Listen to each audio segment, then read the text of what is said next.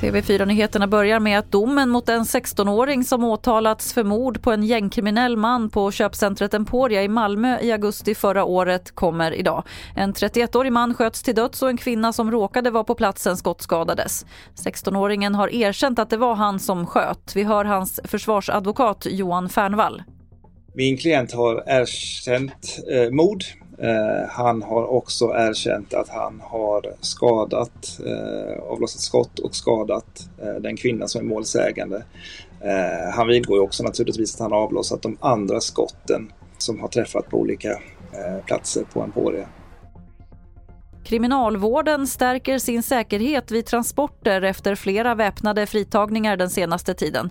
Kriminalvårdens generaldirektör säger till SVT att det viktigaste är att den som transporteras inte har möjlighet att kommunicera med omvärlden och att så få som möjligt vet när transporterna sker. Till sist kan vi berätta att två svenskar greps på Kastrups flygplats utanför Köpenhamn igår med guld och stora summor pengar i bagaget när de skulle resa till Turkiet.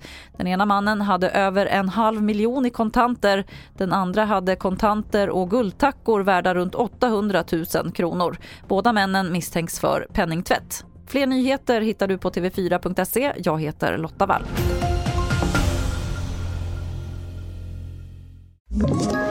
Ett poddtips från Podplay. I fallen jag aldrig glömmer djupdyker Hasse Aro i arbetet bakom några av Sveriges mest uppseendeväckande brottsutredningar. Går vi in med hemlig telefonavlyssning och, och då upplever vi att vi får en total förändring av hans beteende. Vad är det som händer nu? Vem är det som läcker? Och så säger han att jag är kriminell, jag har varit kriminell i hela mitt liv men att mörda ett barn, där går min gräns. Nya säsongen av Fallen jag aldrig glömmer på Podplay.